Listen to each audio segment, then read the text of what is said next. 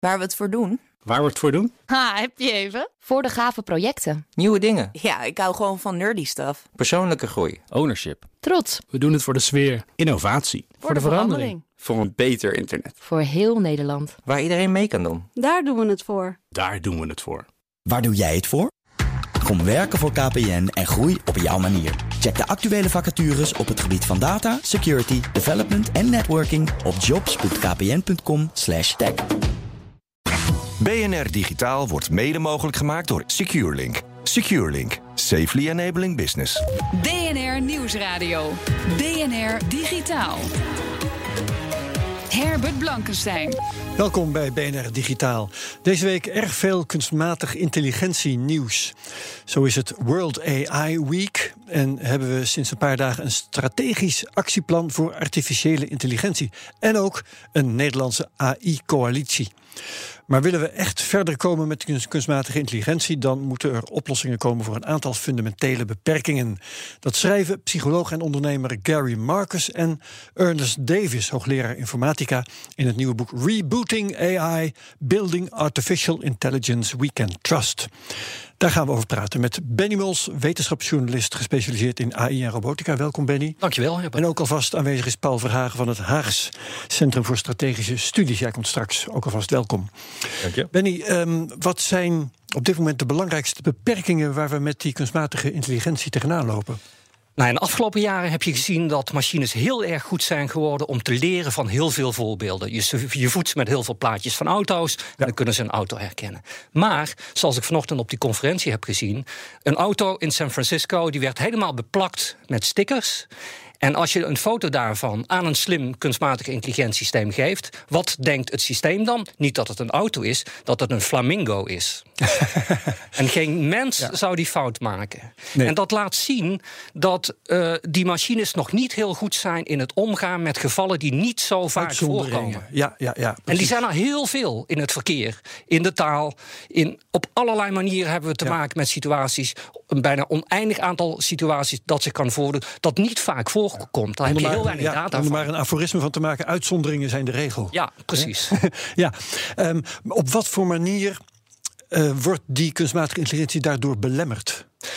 Uh, op een aantal manieren. Je ziet bijvoorbeeld dat het, de het belangrijkste fundamentele probleem... dat is iets wat gezond verstand heet. En wat is gezond verstand? Ja. Dat is eigenlijk alles wat wij als kind... in de eerste paar jaar van ons le leven leren. Ik heb hier een bekertje water in mijn hand. Iedereen weet dat als ik dit laat vallen... dat het water op de grond loopt. En dit is een papieren bekertje, dus het gaat niet kapot. Maar dat, ik, ik weet dat niet omdat mijn ouders dat ooit hebben verteld... of mijn vrienden, of dat ik het op internet heb opgezocht. Ik weet dat door ervaring. En er Juist. is ongelooflijk veel van dat soort gezond verstand kennis, waarvan al decennia lang wordt geprobeerd om dat in computers te stoppen. En dat is nog steeds niet gelukt. Dus we hebben behalve veel data, heb je ook een soort modellen nodig van hoe de werkelijkheid werkt. Een soort abstractie van wat zich in, in, om ons heen afspeelt. Ja. Is dat ook wat bijvoorbeeld de zelfrijdende auto, komt hier heel vaak terug als voorbeeld, ja. uh, de zelfrijdende auto tegenhoudt? Ja, absoluut. Uh, kijk, hij doet, het, hij doet het nu al prima op snelwegen, waar, Ja. de, waar Nou, alles ja, heel erg voorspelbaar ja. is. Maar ga naar Calcutta of naar Amsterdam of naar Buenos Aires, overal is dat verkeer wat anders. Daar heeft hij ongelooflijk veel moeite met allerlei mogelijke situaties die zich maar heel zelden voordoen. Er waait een rode ballon op de weg. Zal hij dat herkennen op tijd? Of wat, wat, wat denkt hij dan? Herkent hij dat als wat het is? Of als iets heel, wat, net, hè, net als die die flamingo van jou? Dus la- laten we vooral de vruchten plukken van wat we de afgelopen jaar hebben bereikt met die slimme machines. Maar laten we ook realiseren waar de beperkingen liggen. En voor de toekomst hebben we een, een ander soort kunstmatige intelligentie nodig. Dat in staat is tot taalbegrip, tot modellen maken, tot kausaal redeneren, tot abstraheren. Als ik jou bijvoorbeeld de, de, de- een paar getalletjes geef, 2, 4, 8, 16, nou dan kijk jij daar even Oh, naar. daar kan ik wel wat mee. Nou, dat is twee keer een natuurlijk getal. Ja. Maar, maar, maar zo'n lerende machine kan daar helemaal niks mee. Die kan, die kan daar geen formule uithalen. Ja, Ehm, en die kunstmatige intelligentie die we wel nodig hebben, staat die al in de stijgers? Dat is een beetje een probleem. Want de eerste paar decennia van dat vakgebied kunstmatige intelligentie, jaren 60, jaren 70, is dat eigenlijk geprobeerd om machines te voeden met kennis, met regels, met logisch redeneren. Ja. En helaas, die aanpak liep ook tegen beperkingen op. In eerste instantie heten ze ook expertsystemen. Precies, hè? Ja, precies. Ja, dat was de jaren tachtig, geloof ja, ik. En die liepen tegen fundamentele, ook tegen fundamentele beperkingen op. Maar wat je nu ziet, is dat je een paar van de nadelen van die patroonherkennende computers, die kun je oplossen met die oude technieken. Nou, dan zijn we er nog niet bij een soort algemene mensachtige intelligentie. Maar dat is wel heel erg nodig om die kunstmatige intelligentie betrouwbaarder te maken. Ja, nou eh, is er dus een. een eh, hype rond die, eh, ook een beetje een lastig woord, maar goed, een hype rond die kunstmatige intelligentie. Ehm, de maatregelen van deze week, hè, zo'n zo'n AI-centrum en dergelijke, die, zo'n actieplan, Ja. die zijn er eigenlijk ook wel uitingen van. Ehm, is, is, is er nu een, een nieuw realisme eh, op handen? Eh, is dat boek bijvoorbeeld eh, dat je hier voor je hebt liggen van Gary Marcus, is dat daar een voorbeeld van? Ehm, ik denk dat dat begint in, in sommige delen van de universitaire wereld begint dat te ontstaan. Maar vandaag ook bij die World AI Summit zijn er heel veel bedrijven, start-ups. En ik merk dat mensen daar nog heel erg moeten wennen aan deze beperkingen. Mensen willen toch vaak hun product verkopen. En ja, dat ga je niet doen door, Ja. door erbij te zeggen van ja, weet je, mijn systeem kan. eh, kan auto's niet herkennen wan- wanneer daar stickers op zitten. Of verkeersborden niet herkennen wanneer daar stickers op zitten. Nee, maar voor de maker van het product eh, is het ook niet eh, in zijn belang om een Precies. product te pushen Ja. dat daarna faalt. Precies, dat, dat- dat is ook heel erg mijn, eh, eh, eh, mijn verhaal en waarom ik het belangrijk vind om dat over het voetlicht eh, eh, te brengen. Hetzelfde geldt voor taalbegrip. Google Translate. Fantastisch om, als je, als je de lat niet al te hoog legt, een vertaling te krijgen van iets in het Russisch wat je niet begrijpt. Maar wil jij een professionele vertaling van je eigen boek in het Nederlands, in het, eh, in het Russisch, dan kun je dat niet door Google Translate Nee, trekken. dat is, dat is hoog gegrepen. Maar aan de andere kant, dingen als eh, Siri en Alexa en zo, die functioneren toch wel heel behoorlijk. Ik heb, Ik ken mensen die daar erg enthousiast over zijn. Ik, voordat ik hier naartoe fietste, eh, heb ik eh, even Siri geprobeerd qua taalbegrip. Ik vroeg, Oh, leuk, hey ja. Siri, help, ik ben mijn portemonnee verloren. En het antwoord was, je kunt de locatie van al je apparaten bekijken in de Zoek Mijn iPhone-app. Weet je, eh, de klok en de klepel, maar taalbegrip is het natuurlijk niet. En, en die, die, ja, die statistische methode om met taal om te gaan, als je de lat niet al te hoog legt, werkt het, werkt het best redelijk. Ik bedoel, het, het is fantastisch wat je met Google Trans- Translate kunt, maar taalbegrip zit er niet in. Ik geef heel vaak het voorbeeld bij lezingen die ik geef. eh, er is een soort taalkunst om, in ze- om, om een verhaaltje in zes woorden te vertellen. En een bekend zeswoorden verhaaltje is eh for sale, baby shoes, never worn. In het Nederlands is dat te koop, eh babyschoentjes nooit gedragen. Ja. En dan is de vraag, wat, wat denk jij dat er aan de hand is, dat er is gebeurd? Ja, Ik ja, dacht zelf dat die baby is overleden en dat die schoentjes daarom te koop eh, staan. Jullie redacteur dacht van, ja, misschien zijn die schoentjes gewoon te klein. Kan ook. Dus we hebben een soort model van hoe de wereld in elkaar steekt. En daarom kunnen wij zo'n zinnetje begrijpen. En geen enkele computer kan dat begrijpen. Ja. Ehm, beloven bedrijven nou te veel als het gaat om, om AI-producten? Of gooien ze hun producten te vroeg op de markt? Of is er nog iets anders aan de hand? Ik, ik vind dat ze te veel beloven. Ja, dat geldt trouwens ook voor heel veel universitaire onderzoekers. Ik kan me herinneren dat ik in 2015 voor de radio een keer een discussie had over de zelfrijdende auto. Toen werd ons de vraag gesteld van wanneer nu echt veilig de weg op? Die onderzoeker zei 2020 en ik zei eh, het zal zeker nog drie decennia duren. En dat had je toen al kunnen voorspellen dat het fundamentele probleem van waarnemen onder allerlei omstandigheden, allerlei weersomstandigheden, in allerlei soorten steden, waar mensen iets anders met het verkeer omgaan, in allerlei mogelijke situaties, wat, wat zich op de weg kan voordoen. Dat is zo'n groot, fundamenteel onopgelost probleem, dat we, we kunnen zelfrijdende auto's op de snelweg inzetten, maar niet in, in, van A naar B in alle situaties. Ja, nou dat, dat gaan we afwachten. Dan wil ik het nog even met jou hebben over dat strategisch actieplan en die Nederlandse AI-coalitie. Ehm, de veronderstelling bij de politiek is eh, al vrij snel dat we achterlopen, dat er een achterstand moet worden ingehaald, dat er banen op het spel staan en, en dat soort dingen. Die taal die hoorden we van de week dan ook weer, gisteren in het journaal bijvoorbeeld. Ehm, Lopen we achter op het gebied van kunstmatige intelligentie? Nou, toevallig heb ik in uh, april van dit jaar in opdracht van de Wetenschappelijke Raad voor het Regeringsbeleid een rapport uh, gepubliceerd, geschreven over internationaal AI-beleid. Toen heb ik gekeken wat doen andere landen. En inderdaad, qua beleid loopt Nederland achter. Want de meeste van ons omringende landen, zelfs België, maar ook Duitsland, Engeland, Frankrijk, die hebben al een tijd een hele duidelijke strategie.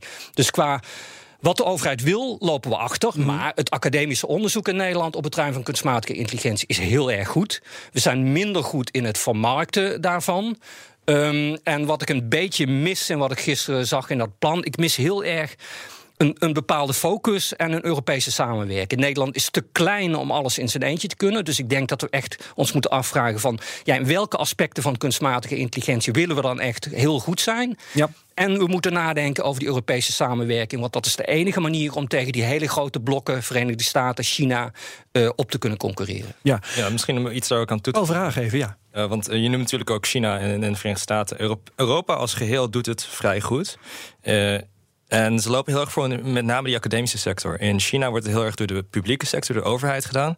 En in de Verenigde Staten wordt het heel erg door de privésector gedaan. Nou, we hebben geen enorme tech giants en we zijn ook niet een autoritair regime. Dus we moeten ergens die balans zien te vinden. En dat is iets waar Europa met dingen als GDPR wel nog eventueel dingen kan doen. Ja. Je daarmee eens, Benny? Zeker, ja. Je ziet ook dat, dat uh, mensen als Emmanuel Macron en volgens mij ook Angela Merkel... die zetten heel duidelijk in op dat Europa een derde weg moet bewandelen. Precies wat Paul zegt. Uh, VS, uh, private sector, China, overheid in Europa willen we vanuit onze Europese menselijke waarden kunstmatige intelligentie ontwerpen die goed is voor de mensen en niet alleen voor de bedrijven. Ja, um, nog even, jij bent genuanceerd over of Nederland dan achterloopt. Uh, niet op het gebied van de technologie, maar wel vermarkten en, en beleid, hè, zeg je eigenlijk. Ja. Um, is dat dan een probleem? En, en, en zijn die, nou, dat is een actieplan en zo'n coalitie daar het, de oplossing voor? Kijk, sommige mensen zeggen misschien is het wel goed dat wij wat langer tijd hebben gehad om, om na te denken wat we echt willen. En, en uh, dan een plan op te stellen. Nou, zo zit ik er niet in. Maar het is ook niet zo dat er een ramp is dat wij dit jaar uh, zo'n actieplan presenteren. En, en België het uh, vorig jaar had en Duitsland twee jaar geleden. Weet je, uh, ons, onze ac academisch onderzoek is gewoon doorgegaan. Bedrijven gaan gewoon door. Maar goed, het, ik vind wel dat je als land, als je die technologie ziet aankomen. en die technologie van kunstmatige intelligentie, die gaat gewoon op alle terreinen uiteindelijk ingezet worden. Sommige sectoren vroeger, sommige sectoren later. Als overheid moet je daar een beleid op gaan maken. Okay, voor de burger, voor de bedrijven, voor werkgelegenheid. Benny Mols, wetenschapsjournalist. Sinds vorige week is gezichtsbedekkende kleding verboden in Hongkong. Zo proberen de autoriteiten hun sterkste wapen scherp te houden. En dat is digitale gezichtsherkenning. Zo direct in BNR Digitaal. BNR Nieuwsradio. BNR Digitaal. En welkom terug bij BNR Digitaal. Het is al weken onrustig in Hongkong. En het middelpunt in de laatste ontwikkelingen is de gezichtsherkenningstechnologie. Maskers en dergelijke zijn nu verboden op straat. Je gezicht moet te zien zijn. Maar werkt die technologie eigenlijk wel? Vorig jaar werden in de Verenigde Staten bij een test tientallen congresleden aangezien voor criminelen. Dat gaan we bespreken met Paul Verhagen, data-expert bij het Haags Centrum voor Strategische Studies. Welkom, Paul. We hoorden je net al eventjes. Um, je hebt onder meer in Hongkong, in Beijing en in Shanghai gewoond. Ja, klopt. Nou, dat is een mooi cv alvast in deze context. Um, kun jij vertellen uh, op wat voor manier gezichtsherkenning daar dan wordt toegepast? Staan de camera's op elke hoek van de straat? Ja, als je in Beijing zit, dan zie je echt van die soort van uh, lantaarnpalen met uh, nou, 12, 16 camera's zelfs. Dan denk je van wat is dit voor een paranoïde zooi. Maar ze maken er echt heel veel. Um, en je kunt zelfs wel in winkels betalen met gewoon gezichtsherkenning. Je hoeft ja. geen portemonnee meer te nemen. Je loopt gewoon langs, je kijkt in de camera en dan wordt het van je account afgenomen. Wauw, dat is, dat is een iets andere context natuurlijk dan die camera's op straat. Ja. Maar dat zijn ook echt gezichtsherkenningscamera's. Want ja, ja, uh, het, zou ook, ja, het blijft bewaking. Hè. Ik wil zeggen, het zouden gewoon bewakingscamera's kunnen zijn. Het, maar iedereen weet dat daar die gezichtsherkenningstechnologie achter zit. Ja, dat klopt. Uh, de Chinese overheid heeft een database van iedere persoon in China. Dus dat is 1,4 miljard datapunten. En ze streven ernaar om binnen 5 à 6 seconden iedereen te kunnen identificeren in real time met die camera's. Uh, nu duurt dat iets langer. Maar die capaciteit die is er. En dat hangt ook samen met dingen als social credit system. En natuurlijk met een autoritair regime. Het is bijzonder nuttig ja. om bijvoorbeeld in Hongkong ook te weten. Uh, was je toevallig gaat demonstreren uh, toen en toen. als ik jou voor een interview heb voor een baan. Ja, natuurlijk. Dat, uh, dat beantwoordt helemaal aan de vooroordelen die we over het Chinese regime hebben, natuurlijk. Yes. Maar ik wil eerst nog eventjes wat meer over die technologie uh, van jou horen. Sure. Want. Um, 1,4 miljard mensen. Ja. Dan moet. Kijk, mensen hebben dubbelgangers. Mhm. Mensen hebben tweelingbroers of zusters. Uh, kan echt met 100% zekerheid in die 1,4 seconden, zoals jij geloof ik zei, uh, iemand direct geïdentificeerd worden? Nou, niet met 100% zekerheid. En ik denk niet dat, dat er algoritmes zijn die dat zouden kunnen doen, maar wel met een grote zekerheid. En met name als je het hebt over een, een land als China, wat enorm veel ambitie en ook integratie heeft in termen van hun datasystemen. Dan stel ik heb een, een resultaat hier van de, van de facial recognition software. En ik weet toevallig ook waar je in je WeChat locatie bent. Als ik die twee over elkaar heen leg, dan kan ik steeds Ja. zeker en zekerder weten wie je dan bent. Dan kun je allerlei dubbelgangers meteen uitsluiten die in een andere hoek van uh, Ja, je China was om wonen. half zes bij de Starbucks en je gaat iedere avond naar de gym en eh, dat soort zaken. En dan weet Ja. je het al vrij Ja, snel. dat helpt. Oké. Ehm, nou eh, refereerde ik net aan een test in Amerika. Dat was eh, de, de technologie van Amazon. Die werd losgelaten op congresleden. En er werden allerlei mensen als criminelen aangewezen. Daar is dus nog wel nodig op aan te merken. Is de technologie in China zoveel beter? En zo ja, hoe komt dat dan? Ehm, ja en nee. Dus de technologie in China is veel beter in het herkennen van de, om maar het zo te zeggen, Chinese gelaatstrekken. En dat had te maken met dat eh, de westerse eh, facial recognition softwares waren heel goed in het herkennen van eh, blanke mensen. En heel slecht in mensen met donkere huidskleuren. En dat zag je ook met die Google apps bijvoorbeeld, dat mensen die donkere huidskleur hebben, werden gezien als gorilla's. Ehm, dat was een van de redenen dat de Chinezen dit ding zelf zijn gaan ontwikkelen. En op dat niveau is het inderdaad veel en veel beter in het herkennen van Chinezen. Dus het is echt weer zo'n eh, zo'n geval van met welke data train je je systeem Precies, en als- wat is de bias die daar dan uit Precies. volgt. Als jij 50 blanke eh, foto's hebt als je training zet, dan eh, good luck met het vinden van getinte mensen. Ja. Het andere verhaal, en dat is misschien wel belangrijker, is dat het, het gaat niet eens zozeer over de technologie. Het gaat over dat er bijna geen eh, banden zitten aan hoe de Chinezen de data kunnen toepassen. Dus geen GDPR, geen privacyregeling, geen basale rechten. En dat zorgt ervoor dat ze heel erg ver kunnen gaan met dit soort data extrapoleren en ook inzicht eruit krijgen. Ja, en dan versterkt het zichzelf ook. Want hè, eh, jij schetst eigenlijk een gebrek aan privacy. En doordat, doordat dat gebrek aan privacy bestaat, kan de privacy nog verder worden aangetast met die gezichtsherkenningstechnologie. Precies, en dat is die ambitie. Dit is echt waar China ver op voor ligt, is de ambitie om het gewoon als een sociaal middel in te zetten. Alles in de, in de samenleving moet AI worden. Alles moet smart worden. Alles moet eh, met big data gedreven worden. Eh, in het Westen sch- eh, schrikken daar een beetje van terug. Van een beetje Big Brother-achtig. Maar in China hebben ze dat echt gewoon geaccepteerd. En hebben mensen ook veel minder een probleem met een overheid die eigenlijk alles over je weet dan in bijvoorbeeld de VS. Ja, Ehm, nou zijn de demonstranten eh, bang voor die gezichtsherkenningstechnologie, want anders gebruikten ze die maskers niet. Zijn er manieren om die gezichtsherkenningstechnologie te omzeilen? Ik bedoel, je zou een masker kunnen nemen dat lijkt op een gezicht, ik noem maar wat. Nou, je zou een masker kunnen doen. Dat is een, dat is een heel goed eh, middel. En eh, dat is ook een traditie in demonstraties om je gezicht te bemaskeren. Het andere wat ze doen, dat, maar heel dat, mag nou dus niet meer. hè? Dat mag niet meer. Dat is trouwens een koloniale wet die, die dat niet meer toestaat. Een dat is- koloniale wet? ja, dat, is, dat komt nog Die van hadden ze nog liggen? zelfs. Ja, dus dat Oh. soort van eh, teruggrijpend verleden. Ehm, dat is ook een vraagstuk. Maar wat eh, ze wel doen, en dat is heel slim, is ze schijnen met lasers in die eh, camera's om het algoritme te verwarren. En dat is ook waar, waar Benny het net over had. Die algoritmes doen het vrij goed, totdat ze buiten de normale parameters komen van waar ze in zouden moeten opereren. En dan worden ze heel erg verward en dan weten ze het niet meer. En dan, dan kun je het wel omzeilen. Ja, dus de uitzonderingssituaties eh, creëren, dan, eh, dat, ja. dat helpt. Oké, Eh, de gevolgen. ehm, nou ja, oké, je kunt dus herkend worden als iemand die gedemonstreerd heeft. Je zei net ook al, je kunt daar last mee krijgen als je solliciteert. Bijvoorbeeld. Wat zijn de gevolgen nog meer? Wat kun je nog meer krijgen als je zonder masker aan het demonstreren bent geweest? Nou, specifiek voor Hongkong is het inderdaad de vraag... in hoeverre gaan ze door in dat autoritaire regime in Hongkong toepassen. In- in China zelf is het iets duidelijker. En daar hebben ze het social credit systeem. En daar heb je eigenlijk eh, of positieve dingen die bijdragen in je score... of negatieve. Dus bijvoorbeeld eh, door rood licht heen lopen, negatief scoren. Eh, een oudere vrouw helpen met haar boodschappen is positief scoren. En als je positieve score hebt, dan kun je dingen krijgen... als een, een discount op bepaalde producten... of je mag een, een, een rij overslaan in het winkelcentrum... Eh, dus dat soort dingen zijn er ook. De positieve Ja. elementen worden naar boven toe gespeeld. Het betekent dus ook dat als je inderdaad ehm, eh, een oud vrouwtje helpt oversteken en je kijkt daarna eventjes glimlachend eh, omhoog naar die Ja. camera, dan weet je ook dat dat genoteerd is. Is Ja. het echt zo? Uh, vaak wel, ja. Dus sommige steden hebben het echt verder geïmplementeerd dan andere steden. Um, maar de ambitie is er in ieder geval. Uh, en wat precies de parameters zijn, van is het alleen maar oude vrouwtjes en dat is dan 100 punten waard versus iets anders, dat weet ik niet. heb, heb, je een idee wat gebeurt, hoe het systeem op jou reageert? Als jij in Beijing rondloopt, herkent dat systeem jou en andere toeristen, andere westerse mensen. Moeten we er even bij vertellen dat Paul half Chinese, half, uh, laat ik zeggen, westerse gelaatstrekken ja, heeft. Hè? Ja, ja. ik ben inderdaad een, een, een vuilnisbakkerasje. um, Nou, ze, ik weet niet hoe de camera's me herkennen, maar de Chinezen zelf herkennen me in ieder geval wel. Dus uh, die zien inderdaad van, uh, je bent volgens mij niet helemaal Chinees, maar ook wel een beetje. Um, ik weet niet of ik gelijk als sociale dissident word uh, gelabeld. ik ben ook Amerikaans, dus het zou kunnen. Um, maar even, even buiten jouw persoon gedacht. Um, herkent dat systeem alleen mensen die in China bij wijze van spreken in de bevolkingsadministratie staan? Of uh, hebben ze ook buitenlanders wat dat betreft geadministreerd? Nou, in principe zouden ze alles kunnen registreren. Uh, ze hebben natuurlijk veel meer data over uh, lokale bevolking. En ze zijn ook veel meer geïnteresseerd in de lokale bevolking. Oké. Okay.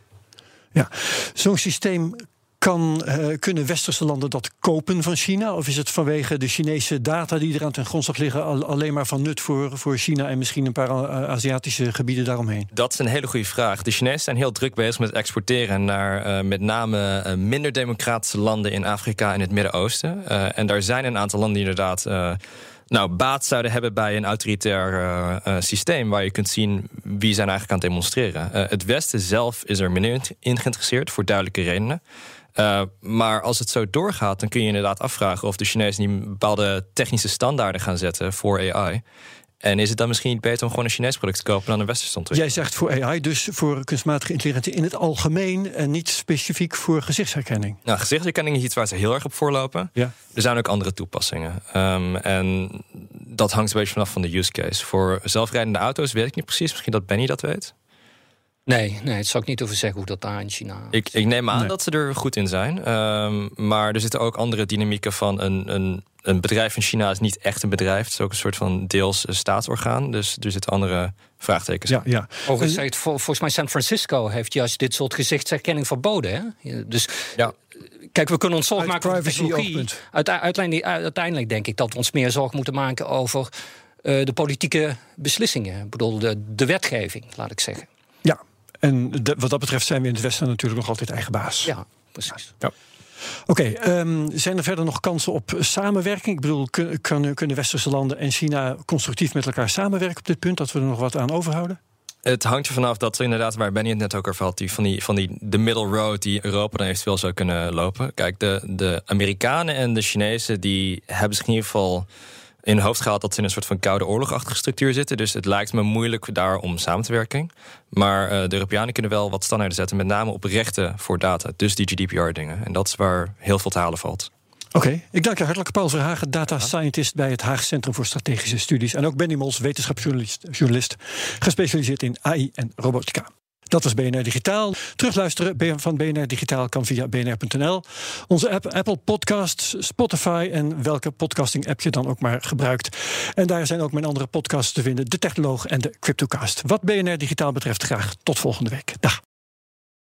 Ook Liesbeth Staats vind je in de BNR-app. Ja, heel handig. Luister live naar Kees en mij tijdens de Daily Move. Dan blijf je ook gelijk op de hoogte van breaking news en het laatste zakelijke nieuws. En daar vind je ook alle BNR-podcasts, waaronder de Perestrooikast. Download nu de gratis BNR-app en blijf scherp.